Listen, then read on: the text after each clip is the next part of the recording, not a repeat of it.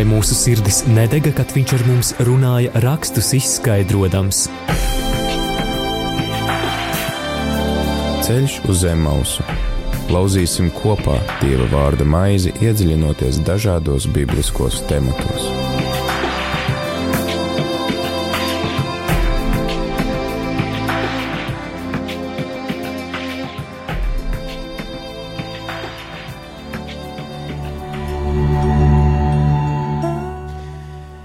Rādījumā arī Latvijas klausītāji ir 5 un 2 minūtes 4. 20. februāra vakarā ar TV ēterā priesteris Pēteris Skudru un laiks raidījumam ceļš uz Emausu, kā jau ierasts ceturtdienās jau vairākas sezonas pēc kārtas. Mēs lasām Dieva vārdu un to pārdomājam ar dažādiem mācītājiem, garīdzniekiem, ieklausāmies šī dieva vārda skaidrojumā, ko tas mums var pateikt arī šodien, 21. gadsimta cilvēkiem, kaut arī tas viss ir varbūt pierakstīts sen sen atpakaļ.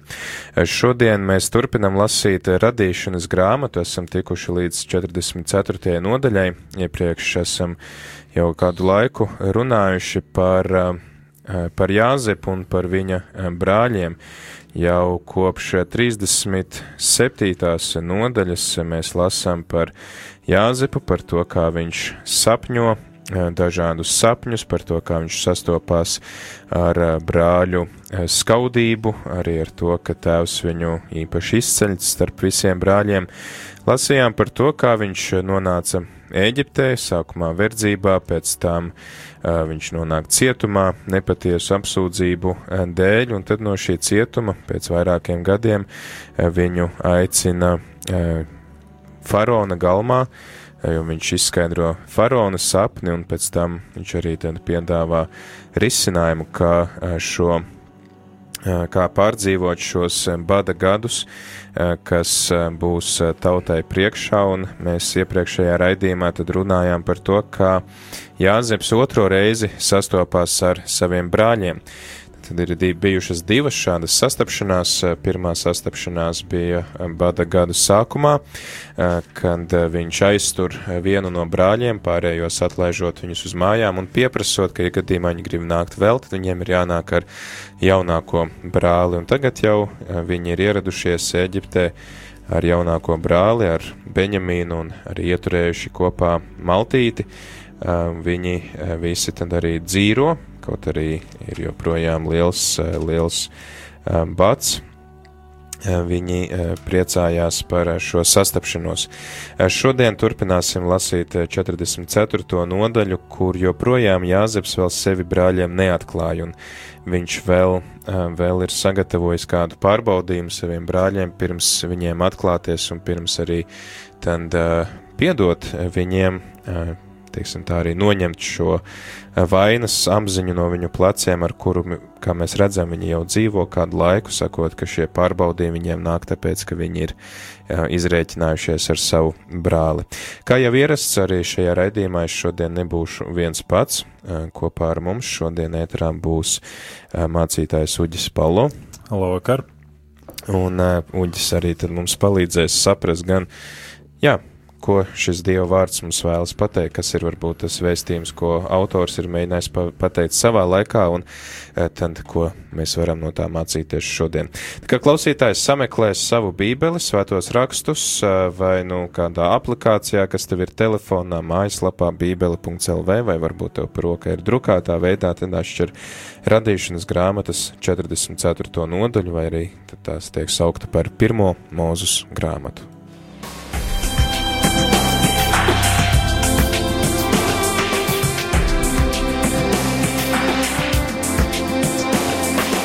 Ceļš uz zem mausu katru ceturtdienu, pulkstens 17.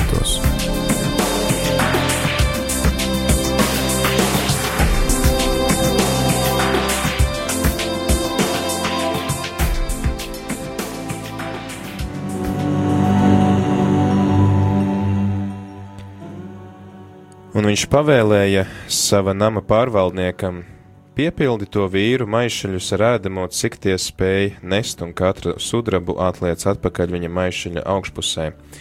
Un manu kausu, sudraba kausu, ieliec maišaļa augšpusē jaunākajam, tāpat arī sudrabu par viņa labību, un viņš darīja, kā Jāzeps bija sacījis. Kad ausa rīta gaisma tos vīrus atlaida mājās viņus un viņu ēzeļus, Tie nebija vēl pārāk tālu aizgājuši no pilsētas, kad Jāzeps teica sava nama pārvaldniekam: Celies, dzenies pakaļ tiem vīriem un panācis saki, kāpēc jūs labu atmaksājat ar ļaunu? Vai šis nav tas, no kā dzer mans kungs? Ar to viņš mēdz pareģot, ļaunu jūs esat darījuši tā darīdami, un viņš tos panāca un runāja tieši šādiem vārdiem.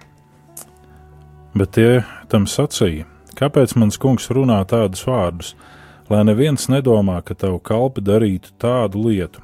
Lūk, to naudu, ko mēs bijām atraduši savas barības maisos, augšgalā, mēs atkal atnesām atpakaļ no Kanāna zemes. Un kā gan mēs varētu zakt no mūsu kunga nama sudraba vai zelta? Pie kura no taviem kalpiem tas tiks atrasts, tam būs mirt, un mēs būsim mūsu kungam par vergiem. Un viņš sacīja: lai tagad arī notiek tā, kā jūs sakat. Pie kā tas tiks atrasts, tas lai ir mans, man par vergu, bet jūs būsiet brīvi. Un viņi steidzīgi nolaida ik viens savu barības maizi zemē un atvēra ik viens savu maisu, un viņš iesāka pārmeklēt pie vecākā tas sāk un pie jaunākā tas beidza, un kaus atradās Benjamina barības maisā. Un tie saplēs savus drēbes, uzkrāja maisus katrs, savam ēzelim un atgriezās pilsētā.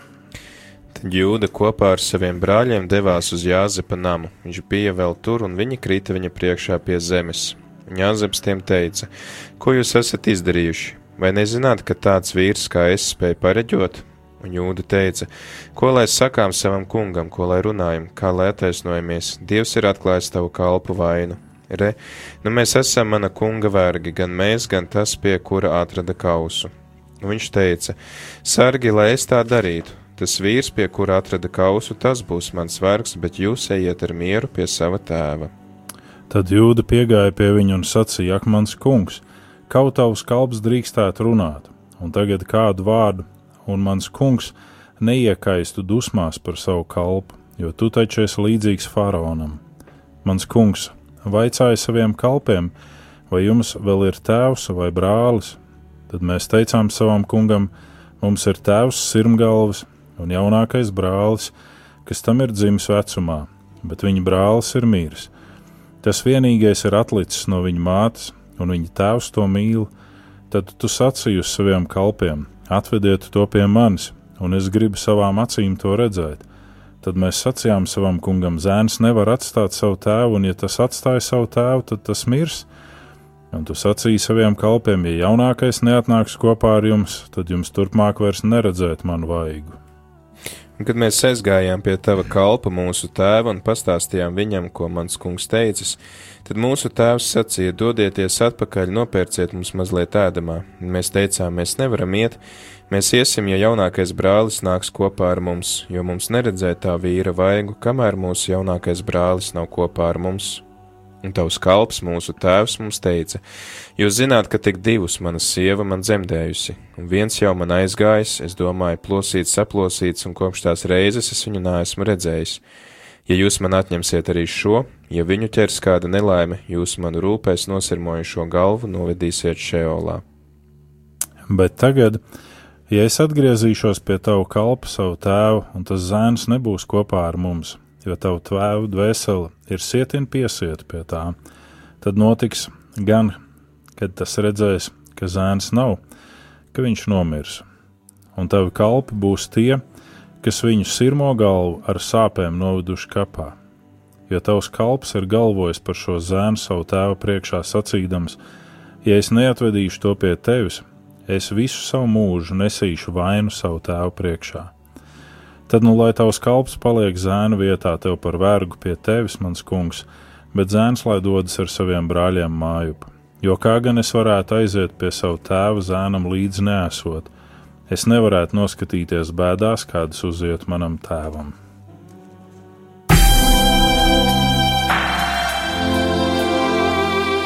Vai mūsu sirdis nedega, kad viņš ar mums runāja, rakstus izskaidrojams.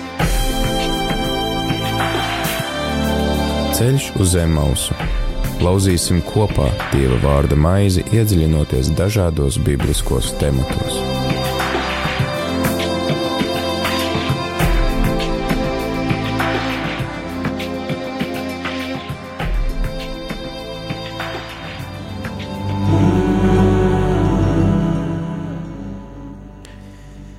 Jā, tad šodien tāds visai traģisks lasījums no radīšanas grāmatas 44. nodaļas.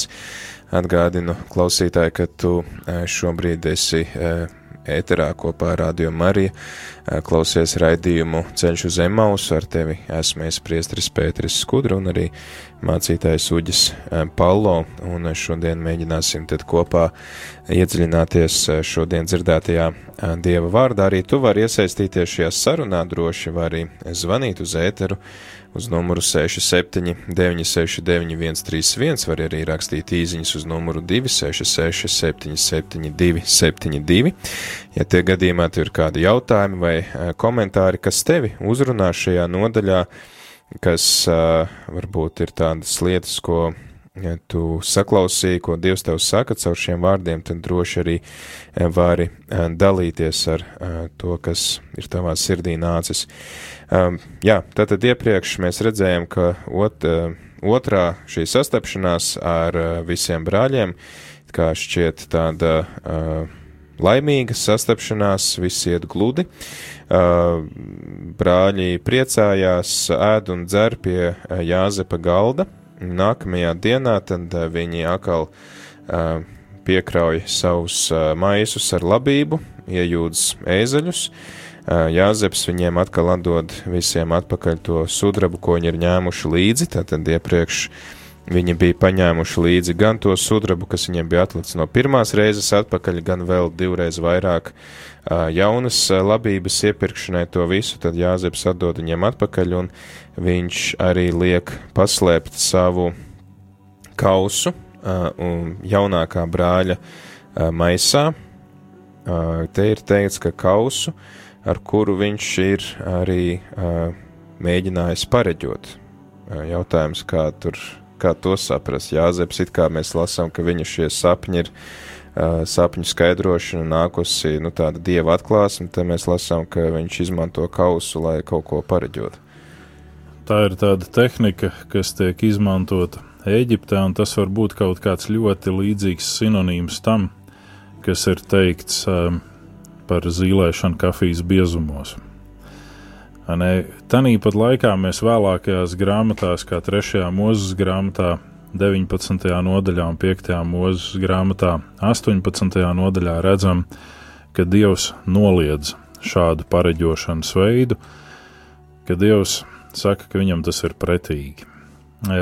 Tanī kultūra vidē, kurā atrodas Jāzeps, tanī brīdī, ir jāizmanto kaut kāds amulets, maģiskais piemērs vai priekšmets vai jebkas, lai tā teikt, paredzētu nākotni vai zīlētu. Kas tā kā dod to drošību citiem, ja, jā, ka viņš tur neizdomā ne. kaut ko. Jo viņš varētu līdzīgi tā kā Dāniels aiziet savā istabā lūgt Dievu, nākt pēc trim dienām vai mm. nedēļas un teikt, tā ķēniņ, to tas nozīmē, vai tas ir mm. tas.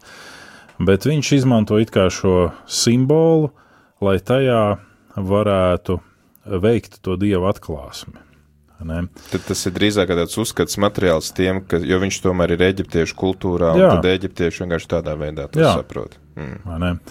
Uh, un, uh, Jo no te ir arī teicis, ka viņš, tas ir bijis vienkārši kauss, no kā viņš dzer ikdienā arī. Jā, bet tas ir kāds īpašs kauss, no kura viņš dzer varbūt ne burtiski katru rītu pusdienas vakariņu sēdot, mm bet tas ir viņa īpašais kauss, un tad, kad ir īpašā maltīte, -hmm. uh, un šīs maltītes sastāvdaļā ir arī kaut kāda pareģošana vai tā kā zīlēšana, varētu teikt, nu tad viņš it kā izmanto šo kausu cilvēku dēļ, -hmm. jo viņam ir tieši saist ar Dievu, viņam nevajadzētu sevis pēc izmantot šo kausu, bet to viņš izmanto cilvēku dēļ, lai apliecinātu, lūk, ka viņa vēstījums ir patiesa.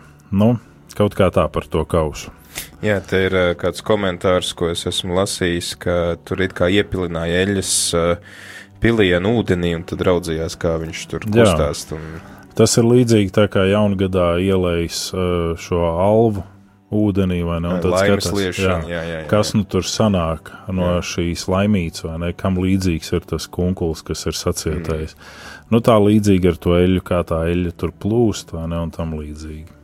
Jā, tad mēs varam teikt, ka arī zināmā mērā ir tāds uh, inkulturācijas piemērs, kur izmantojot konkrētās kultūras valodu, tad arī tiek uh, nodots šis vēstījums no dieva, kas, kas uh, Jāzepam ir. Un... Bet noteikti, pilnīgi noteikti, jo uh, Vēlāk mēs līdzīgas lietas redzam otrajā samuēla grāmatā un otrajā laika grāmatā par spitālīgo nāmanu runājot, kurš ir damaskietis un kurš aiziet uz Samāriju saņemt dziedināšanu pie pravieša Elīšas. Un tad viņš dodas atpakaļ un saka, bet mans kungs parasti iet savu dievu namā un aicina man līdzi, man ir jābūt blakus.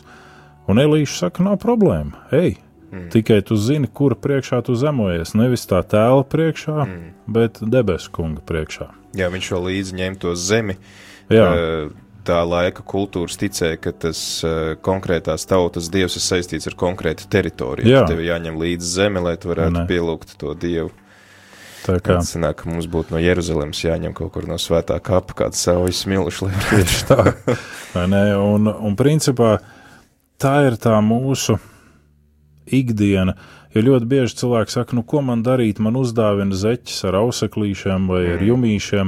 Nu, valkāt vai nē? Protams, ka valkāt, tikai neiedomāties, ka tie ir septiņjūdžu zābaki, kuru dēļ tagad tev viss veiksies, vai ne? Vai tur kāda aprocīta, ka tagad to zīmju dēļ, jo kādu domu tu pievērsi tām zīmēm, tas arī notiks.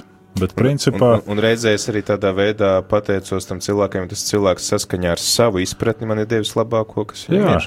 Jo, protams, ka mēs varam tur kādas pīnītes uzvadīt uz tām zeķēm un vēl kaut ko, bet visbiežākais tur ir kādi raksti no lielvārdas jostas ņemt. Tas ir Latvijas cilšu laikmeta zīmju spēks. Šodien šīm zīmēm spēka nav vairs. Kā vien, ja mēs piešķiram šīm zīmēm spēku. Un tieši tāpatās Jāzeps viņš nepiešķīra šim biķerim, šim kausam spēku. Viņš piešķīra dievam spēku, bet viņš izpildīja tās kultūras rituālu, lai ļaudīm tas būtu pieņemams un ticams. Jā, tad šie brāļi dodas prom uh, pilnīgi droši un, un mierīgi. Viņiem liekas, ka viņi ir pierādījuši to, ka viņi nav spiegi, viņi ir paņēmuši šo jaunāko brāli līdzi dodas atpakaļ. Man liekas, ka tāda viena raksturīga iezīme ir mm, šiem brāļiem, ka viņi ir ļoti karstgalvīgi. Ja viņu tēvs ir ļoti apdomīgs, Jēkabs, ja mēs tur lasījām iepriekš, viņš saka, varbūt, ka ir pārskatīšanās, tik jums tur tā nauda atlikt atpakaļ, ņemiet to, aizvediet atpakaļ, plus vēl divi tik daudz, ja gadījumā tur ir kāda inflācija vai kas, lai jūs varat nopirkt vajadzīgo daudzumu labības. Uh, šeit, tad, kad Jāzeps sūta savu kalpu pakaļ viņiem, tad viņi diezgan strauji saka, uh, tā, kāpēc, lai, nu, no vienas puses viņi ļoti labi domā viens par otru, viņi saka, nu, nekas tāds nav iespējams, neviens neko neņemtu, bet ja arī tu kaut ko tādu atrasti, lai tad tas arī tūdaļ pat mirst un mēs visi kļūstam par taviem kalpiem. diezgan, diezgan, nu, tādi neapdomīgi vārdi. Principā šo neapdomību mēs redzam austrumu kultūrā, un tas ir austrumu kultūras uh, runas veids, dzīvesveids, uztveres veids. Un, ja mēs šodien skatāmies uz uh, austrumniekiem, kas ir uh, vairāk teritoriāli kļuvuši, kādreiz tie bija beduīni, vai ne šobrīd tā ir arābu kultūra vai pakistānieši, viņi ir tikpat karsgalvīgi. Un viņiem ir pilnīgi atšķirīga izpratne par laiku kā mums. Par viesmīlību viņiem ir atšķirīga izpratne. Un, Te mēs varam piebilst, nu, tā, tā zemlaps piezīme, kāpēc laikā atšķir, tāpēc Jēzus arī vienā evaņģēlijā saka, nesveiciniet tos uz ielas, tas mums ir garām ejot čau čau, bet Jā. tā kā saka, tas ir pilnīgi cits, cits termins sasveicināties. Tieši tā. Viņiem. Tas ir pāris stundu pasākums. Tējas dzeršana ar, ar ēšanu un, un, un, un sarunas un viss kaut kas, un viņš saka, nē, jo tad tev būs jāieiet tā cilvēka namā, bet tu nedrīkst to. Mm. Ne? Jo tur tādā vietā ir runa par tiem miera mājokļiem. Ne? Ja tu esi atradis miera mājokli, tad tur paliec ne no mājas uz māju. Tie brāļi ir karstgalvīgi, un viņi parāda savu lojalitāti šajā karstgalvībā, sakot, ķēniņš un kungs, ja tu atradīsi, mirtin lai mirst, un mēs pārējie būsim vergi. Viņi nav pārliecināti par to, ka var atrast kaut ko viņa maisos, jo viņi nesaprot, kā tas pārpratums notika iepriekšreiz, bet šajā reizē nu, patiesi nebūs nevienam, un vēl biķērs, vēl kaus kaut kāds, un mēs taču neesam zagļi. Ne? Un šī piedošanas spēle, kur spēlē Jāzeps, tur ir ļoti daudz slāņaina. Jo mūsu sabiedrībā mēs pasakām, ah, Pēter, es tev izdarīju pāri, nu, piedod man, lūdzu. Un tu saki, nu, nu labi, nu, ok, es piedodu. Bet tas nenes nekādu morālo un emocionālo zaudējumu. Man nevajag, ka tas, kurš man ir darījis pāri, man atmaksā kaut kā. Bet man vajag sajust to, ka tā viņa piedošana, ko viņš gribētu saņemt, ir patiesa piedošana. Un es dzirdēju šajā sakarībā sen atpakaļ kādu notikumu, kur nelielā ciematā dzīvoja viens vīrs, kurš ļoti tenkoja par savu priekšnieku. Un uh, kādā dienā viņš saprata, ka tas ir ļoti slikti, ko viņš dara, un viņš gāja pie šī priekšnieka un teica, vai tu man varētu piedot. Un tas priekšnieks teica, es tev labprāt piedotu, bet tev vajadzētu izdarīt vienu lietu. Jā, ko tieši tu gribi, lai es izdaru? Viņš teica, paņem veselu maisu ar pīļu pūkām un aiznes pie katra nama, kur tu esi tenkojies par mani noliec uz sliekšņa pa pūkai. Un šis vīrs izdarīja to un priecīgi atnāca atpakaļ un teica, es esmu visu izdarījis. Un tad šis otrs vīrs cietušais teica, ček, un tagad aizjūta un salast tās pūkas. Mm. Tas taču nav iespējams. Viņas ar vēju ir aiznestas prom. Ček. Viņš saka, redz, tieši tāpat ir ar tankām. Es tev piedodu, bet tas, ko tu esi stāstījis par mani nepatiesu vai nepareizi, vai kaut vai patiesu, bet tu esi stāstījis personai, kas nav iesaistīta. Un tai nemaz tas nav jāzina. Līdz ar to tu esi šīs pūkas iznēsājis tik lielā apmērā, ka to nevar vairs savākt. Brāļu galvā Jāzeps ir miris. Viņi nezina stāsta otru pusi, un viņi nezina šo nodomu, kāds ir Jāzepam, ko mēs lasīsim citu reizi. Spičīt, požars, bet viņi jau nevar zināt, vai viņš ir miris vai ne, jo viņi viņu ir pārdevuši verdzībā. Bet viņi saka, mums bija brālis un tas ir miris viņi saviem meliem ir noticējuši. Nu, tas tas, ko viņi stāsta visiem. Jā. Tēvam, un, un Jā. principā viņi jau zina, ka viņi, viņi, nu, viņš nav nogalināts. Bet eh, šeit parādās atkal tas paradoks, ka viņi jau nezina, ka tā persona, par kuru viņi stāsta, ka tā ir mirusi persona, atrodas viņa acu priekšā. Hmm. Un tas ir tas pats, ko mēs reizēm savā dzīvē piedzīvojam, ka mēs esam greizsirdīgi uz kādu personu, un mēs uztaisām, ka šī persona ir mirusi priekš mums. Un mēs runājam ar citām personām par to, ka šī persona ir pilnīgi garām. Un tad šī persona atrodas mūsu acu priekšā, pilnīgi neadekvātā situācijā, un izrādās, ka mēs esam nepareizi runājuši, nepareizi sprieduši. Brāļi to piedzīvo šeit pārsteidzīgi sprieduši. Jā. Jā. Tā kā tu teici, pirmīt tādi karstgalvīgi savā spriešanā. Mm. Un viņi arī šajā izteiksmē ir karstgalvīgi, jo nākamais brīdis būtu, un ja nu tas ir Jāzeps, kurš ar viņiem runā šajā brīdī, un viņi ir pateikuši, bet Jāzeps ir miris, mm. tad, tad kā sanāk? Un ja cilvēki, kas ir Eģiptē, zina, ka Jāzeps ir nācis no Kanānas zemes, beduīniem pārdots, atceļojis šurp, Un šie cilvēki saka, bet viņš ir miris. Nu kā, nu reku viņš ir dzīvāks par dzīvu vai nekā. Bet viņam jau Eģiptē tiek dots cits vārds. Jā, jā, jā, protams. Eģiptiešu vārds tagad neatceros, kurš tur. Bet atceries arī, ka Danielam tiek dots cits vārds, viņš tiek saukts par Baltazaru, bet tanī pat laikā tiek saglabāts viņa identitāte. Un Jāzepam ir tieši tāpat, viņam tiek piešķirts cits vārds, bet viņa identitāte saglabājās un viņi parasti piešķīra pēc savu dievu uh, tiem atveidiem vārdus. Tieši tāpat kā faraoniem, tieši tāpatās arī uh, kādām augstzimušām būtnēm. Cāfnat pāneks, viņam dots vārds, jā. Ne?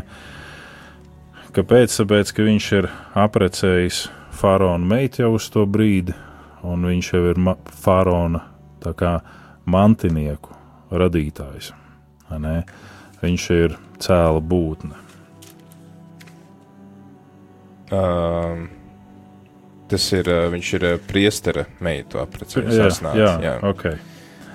Potiperas uh, meitu asnāti. Jā. Nu, jebkurā gadījumā viņš ir ieprecējies tur ļoti augstos rangos. jā. Tieši tā. Jā. Tātad, tātad Jāzeps, ā, Jāzep brāļi vēl nezina, ka Jāzeps ir dzīvs, viņi arī pamazām viņi saprot, bet arī, cīm redzot, šie Jāzepa pārbaudījumi ir vai bijuši vajadzīgi, lai, lai tie brāļi saprast, ka, jo viņi te sāk runāt ar vien vairāk, vairāk, hei, tas mums laikam ir tā, nu, to, tā dēļ, ko mēs izdarījām Jāzepam, un te interesanti, ka arī tad, kad viņi izsaka šo pārsteidzīgo tādu spriedumu, ka, lai, lai tad mirst tas, kurš, eh, tas pie kura tu atradīsi šo kausu, un eh, lai tad mēs visi kļūstam par vergiem, tad eh, tas nama pārvaldnieks saka, lai notiek, kā jūs teicāt, pie kā tu atradīsi, tas būs mans svars, bet jūs pārējie būsiet bez vainas, ka viņš jau tā kā tā mīkstinis. Protams, es pieļauju, ka es pats arī būtu pilnīgi pārliecināts, nu, ka mēs, piemēram, abi divi esam bez vainas, un es nezinu, ka tev kāds ir ielicis somā kaut ko, un es arī droši vien teiktu, ka, nu, pff, kāda, kāda, kāda iespēja, un tad, nu, izrādās, ka tevi var, nu, iegāzt. Redzi, šeit ir tas aspekts arī, ko Jēzus vēlāk piemin, un ko Dievs it kā ir teicis, tev nebūs zvērēt, un Mm. Jēzus saka, tev nebūs zvērēt ne pie debesīm, ne pie zemes. Debesis ir Dieva goda tronis, zeme ir viņa kaisols, vai ne? Tev nebūs zvērēt pat pie savas dzīvības, ne pie kā. Es kādreiz aušodamies, ja tā var teikt, izmetu to, nu, es, es zobdodu. Es zobdodu un paliku mm. bez diviem zobiem.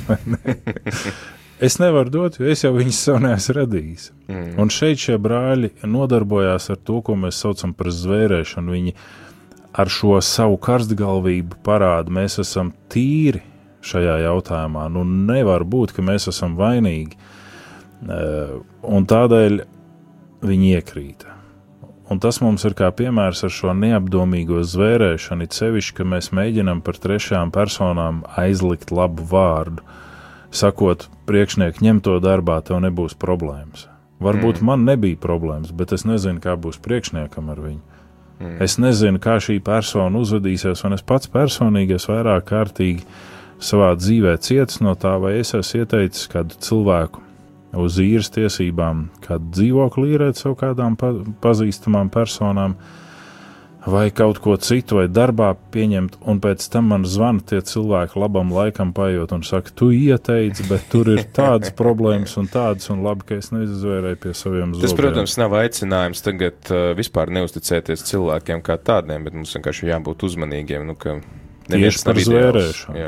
Ne? Tu nevari dot garantijas, vai kā es savā situācijā teicu, es zobdodu. Tu nevari to teikt par citu personu, jo tu Nu, dažreiz tu nezini. pats par sevi nezini. Tieši tā. Pēc tam sēdi un domā, kā es varēju kaut ko tādu izdarīt vispār.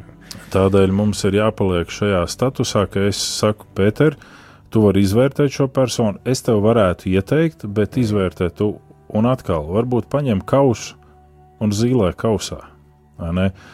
Izmanto tās tehnikas, kas ir tev, lai tu saprastu, vai šis cilvēks tev der vai nē.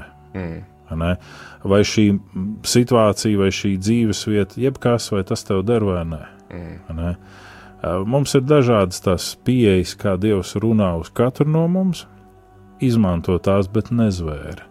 Un brāļi šeit savā neapdomībā, karstgalvībā, kā jau tu teici, viņi nododas zvērēšanai. Jā, bet tas arī ir labs paskaidrojums, ko tu minēji, ka tā ir arī tāda kultūras īpatnība, mm, visu vai neko, un, un kas arī ir jāņem vērā. Ir vēl viena kultūras īpatnība tajā brīdī, kad tas kauss tomēr tiek atrasts pie pēdējā. Viņi saplēs savas drēbes.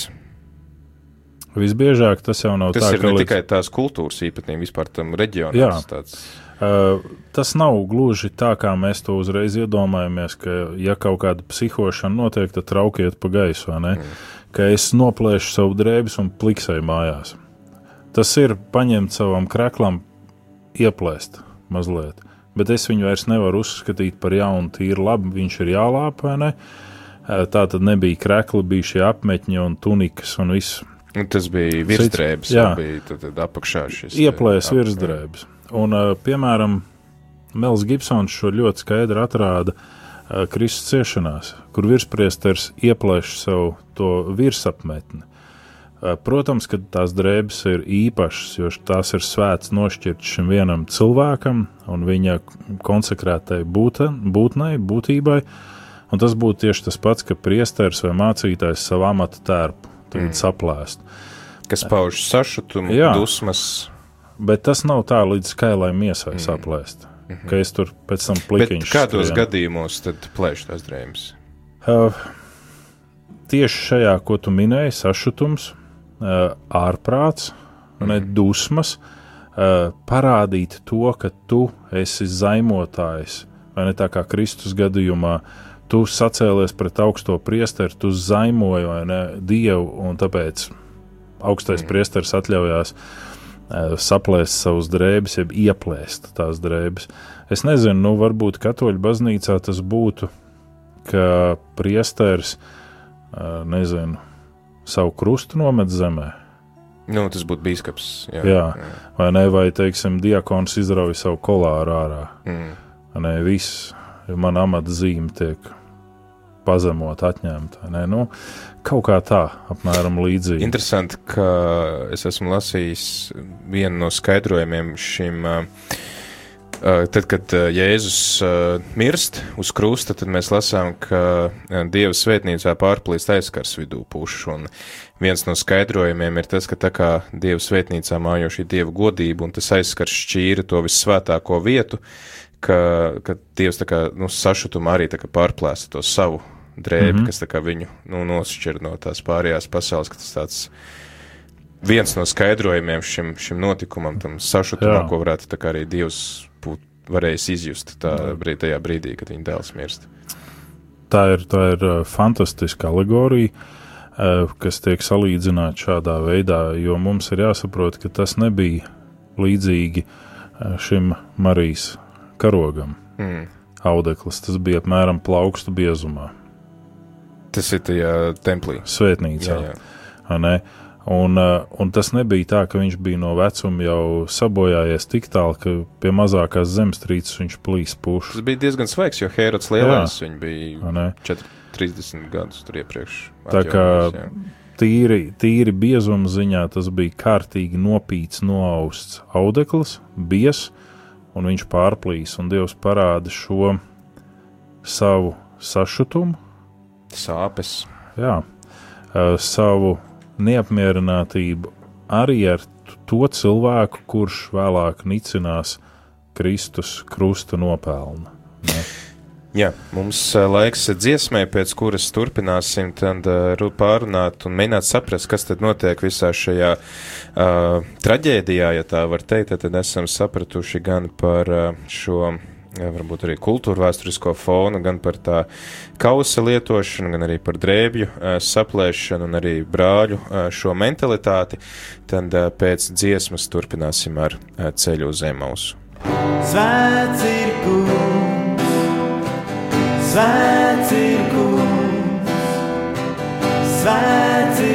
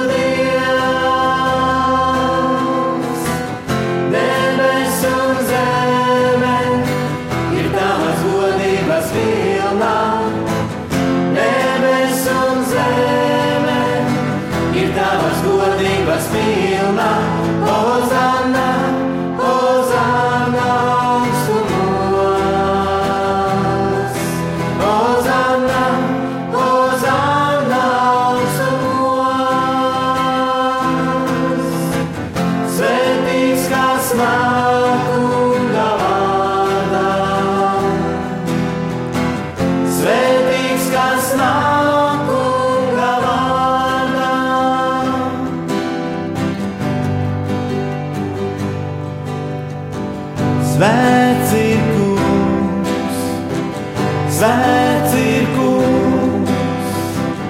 tavas godības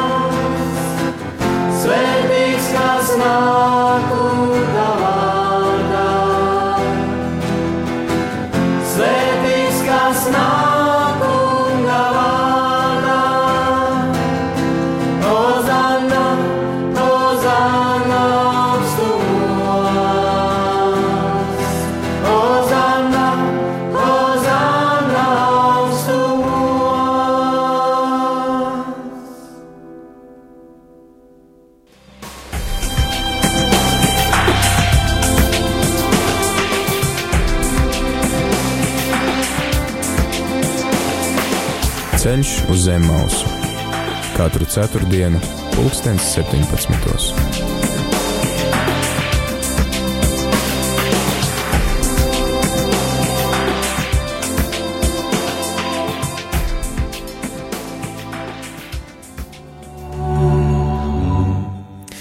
Atgriežamies ēterā raidījumu ceļš uz Zemausu, ar tevi esmu es priesteris Pēteris Skudru un kopā ar mums arī mācītājs Uģis Palo no draudzes pilsēta. Andrejs mums raksta jautājumu, kā pareizi būtu jāuztver to, ka Jāzeps palīdzēja faraonam. Faraons pat nebija kristietis, un Jāzepa skaidrojumus tas izmantojas tikai savai bagātībai, neskatoties uz parastiem zemniekiem. Pirmkārt, atbildot uz šo jautājumu, Kā jau mēs aizkadrā mazliet runājām, arī Jāzeps pats nebija kristietis. Viņš bija ticīgs dievam, jo viņš bija audzis tēva namā un patriārhu laikā. Tā ticība dievam krietni atšķīrās no tā, kā Cik tā ir tas šodien. ir ilgs laika posms pirms Kristus, patriarcha laiks, Jāzepa laiks. Patriārhu laiks ir apmēram uh, 1870, 80 gadi pirms Kristus, jo mums ir jārēķina, ka Mūzes grāmatas ir apmēram 1400 gadi pirms Kristus rakstīts. Un tas nu, ir vēl tā iesākt. jā. tur, jā. Tas ir vēl apmēram šos 450 gadus, ko Izraēla tauta pavadīja Eģiptes verdzībā, pirms tam.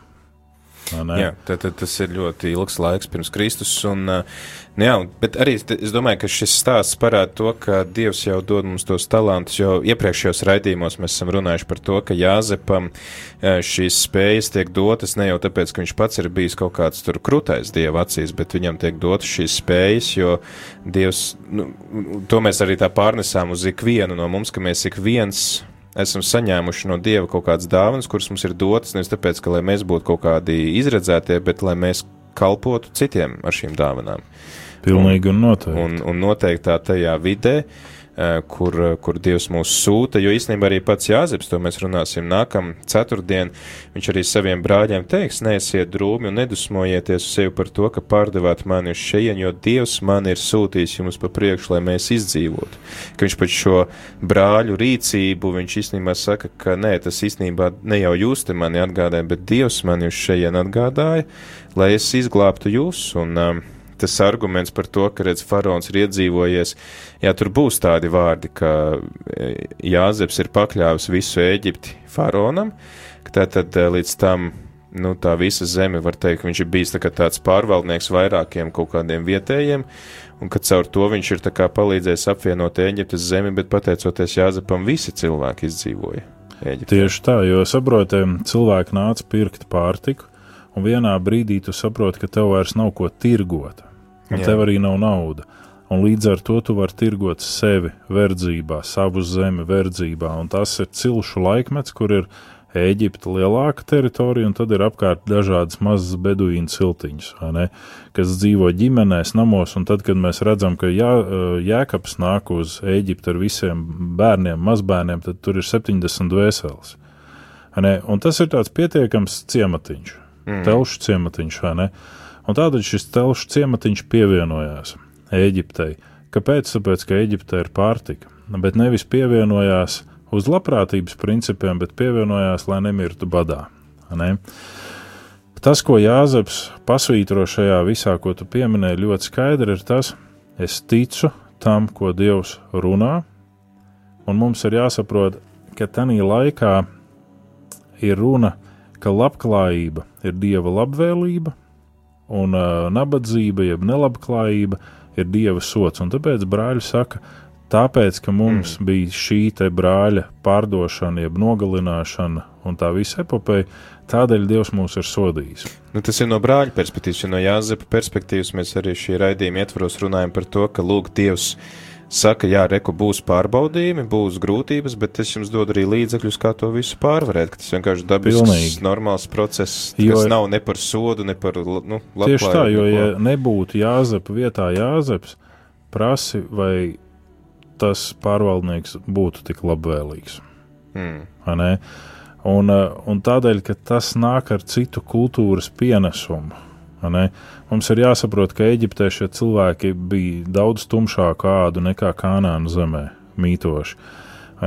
Tur bija visas šīs sankcijas, pakļaušanas un, un, un viss, viss, viss, viss pārējais. Bet Dievs svētīja, un tas, ko Dievs bija atklājis Jāzepam, sapņos, un par ko brāļi un tēvs un arī māte sacēlās pret Jāzepu mazliet. Tēvs ar māti mazāk, bet ir teikts, ka arī tēvs teica, tu nepaukstinies, vai ne dēls. Bet brāļi konkrēti cepās. Dievs to izmantoja, un Dievs jau saulēcīgi parādīja, šis ir man izredzēts ierocis līdzīgi kā apustulis Pāvils. Mm. Un tās ir tās vietas, uz kurām savā laikā, Augustīna laikā, Pelegijāņi, vēlāk arī kalvinisti. Tas ir tāds virziens, kuri akcentē iepriekš nolemtību. Nu, kas ir zvaigznēs liktenis ierakstīts, tas tad tu vari darīt, ko jā. tu gribi. Mm. Tā kā Dievs būs lēmis, tā viss notiks. Dieva vārds mums parāda, ka ir vienādā līdzsvarā gan šī iepriekš nolemtība, jeb teoloģijā to sauc par predestināciju, gan arī brīvās gribas likums, kas ir Dieva augstākā dāvana cilvēkam, tev brīvā griba. Jo pie koka paradīzē parādās brīvā griba. Tanī dienā, kad tu ēdīsi, tu mirsi. Mm. Jāzep gadījumā parādās viņa brīvās gribas aspekts, un Jāzeps garīgi, ja mēs tā varam teikt, ir audzis daudz dušīgāk kā brāļi, jo viņš neizrāda naidu brāļiem. Tā ir spēle, lai pārliecinātos par to, ka tā piedošana patiešām brāļos ir un tā nožēla ir patiesa. Jo viņš varēja pirmajā reizē atklāties un teikt, hei, veči, es esmu jūsu pārdotais brālis, vai ne? Mm. Un sasaukt armiju un noslānīt tos. Mm. Viņš varēja dažādi rīkoties, un tas, ko biežāk mēs gribam, ir tieši šī noslānīšana citu cilvēku. Bet tad, kad mums ir kaut kāda problēma, tad mēs sakām, nu, lūdzu, piedod, nu, es žēlīgs ar mani, nu, cieties vēl ar mani, tā kā Jēzus tenī līdzībā, Jā. ne par tiem parādniekiem. Okay. Jā, un tālāk jau tad atkal ir, man, man patīk šajā visā stāstā izcelt tos pantus, kurus, nu, kuri ilgi ir jāzepam jāgaida. Jo 37. nodaļā viņš redz to, ka brāļi klanās viņa priekšā, un tad viņš pat no tēva dabū brāzienu, kas te tagad nebūs, jā, ka tagad tu kaut kāds, zini, tīneidžeris, ja tas sāk stāstīt par to, ka tās viņam klanīsies, un rekur atkal ir 44. nodaļa 14. pāns, un viņi krita viņa priekšā pie zemes. Jā, tur jau iepriekšējā nodaļā mēs, mēs lasījām to, un ka lūk arī piepildās, piepildās šie panti. Uh, Un kas arī ir interesanti, ka parādās, te parādās arī jūdas tāds,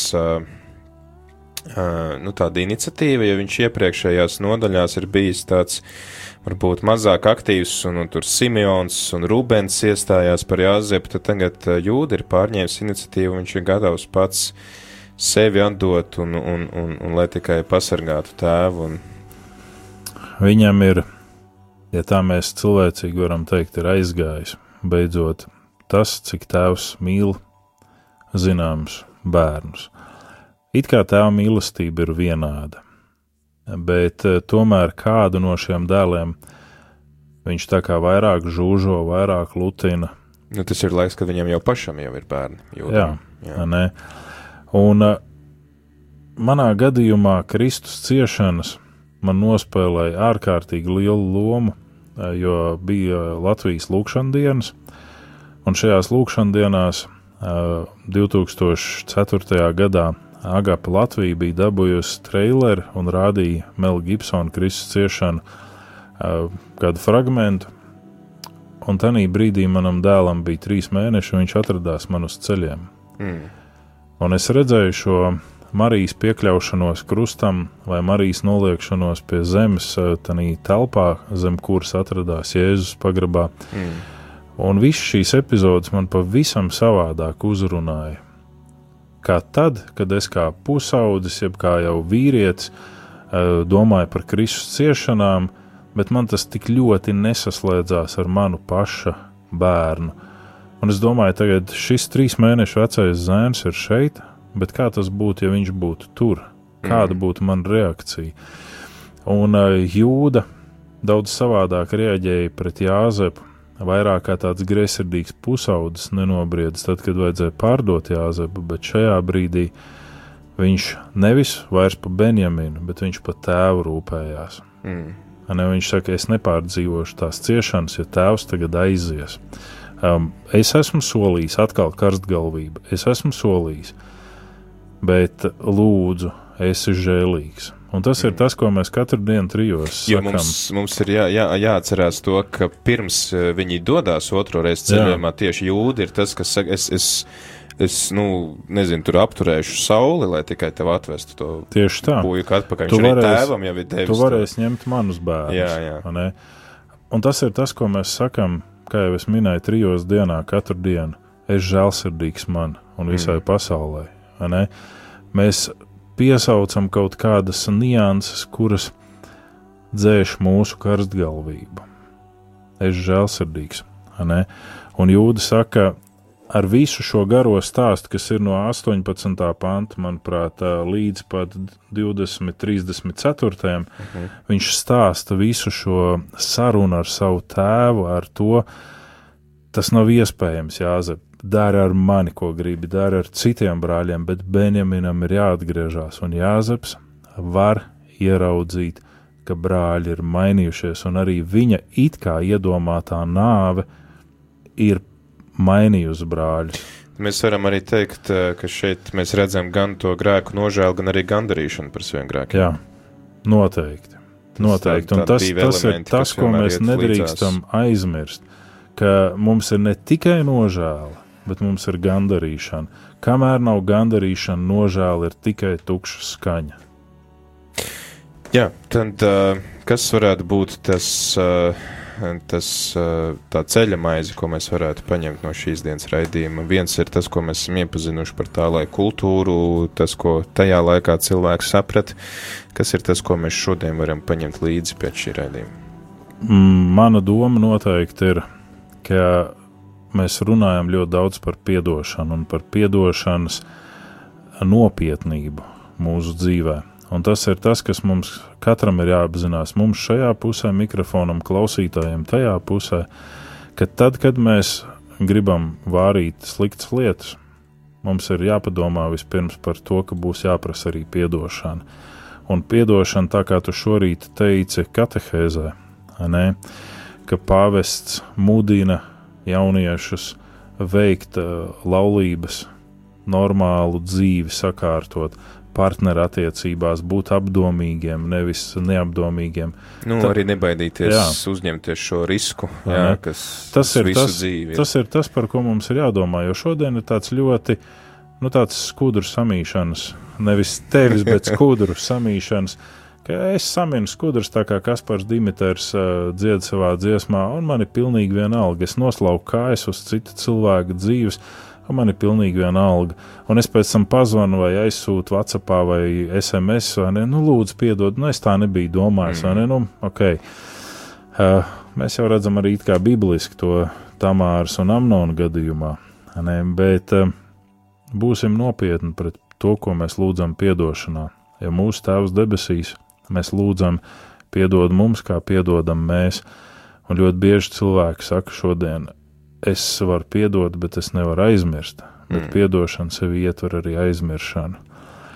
Un aizmirst nozīmē nebūt nemaz sarūktinātam, to mums parāda Jāzep šīs spēles. Viņš nav sarūktinājumā, viņš tikai grib pārliecināties par piedošanas patiesumu. Un arī attiecībās ar Dievu, kur mēs neredzam, bet tomēr ticam viņam, mūsu piedošanas lūgšanai ir jābūt tikpat nopietnai, un brīdī, kad mēs gribam vārīt ziepes, tad uh, lūgsim Dievam spēku uzvarēt šīs ziepju vārīšanas kārdinājumu. Jo ar ziepju vārīšanu mēs darām to, ko izdarīja tauta, piesitot Jēzus krustā. Jeb ko Jāzep brāļi izdarīja, pārdodot Jāzepu. Nē, vienā dienā tās ziepes rūkti atgriezīsies pie mums. Tādēļ būsim apdomīgi, būsim vērīgi, gan audzinot bērnus, gan veidojot ģimeni, gan mācot nākamās paudzes, jo divas pēdējās paudzes eh, ir ļoti neapdomīgas bijušas dažādās situācijās, un šodien mēs stāvam pie tās eh, brīvās mīlestības silas, kas arī ir sasista. Mēs stāvam pie dažādu šo kārdinājumu silas, kuras Mēs sakam, vietālruņi, piemēram, rada atkarību. Un ko tas maina, jo kādam tas nes labumu. Ne? Un nu, kāds uzdeva jautājumu par faraonu, kurš nebija kristietis, bet pat šodien tie cilvēki, kas ražo kodolieročus vai vienkārši ieročus, viņi var būt arī kristieši. Bet tas ir viņu biznesa. Kur jāprunā? Jā, ne? Ok. Jā, paldies, paldies mācītājiem Uģim, paldies arī eh, tiem, kas klausāties un arī aktīvi iesaistaties, vismaz Andrejs šodien iesaisties sarunā ar savu jautājumu. Paldies arī visiem, kas atbalstat Radio Mariju. Pateicoties jums, tad arī varam šeit tikties ētrā un pārdomāt Dievu vārdu.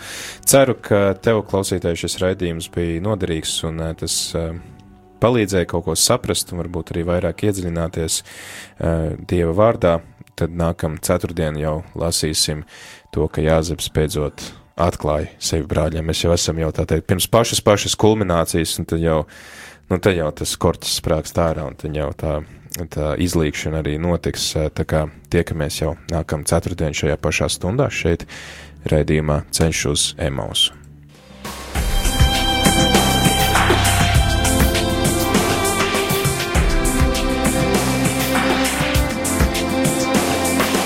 Ceļš uz zem mausu katru ceturtdienu, pulkstens 17.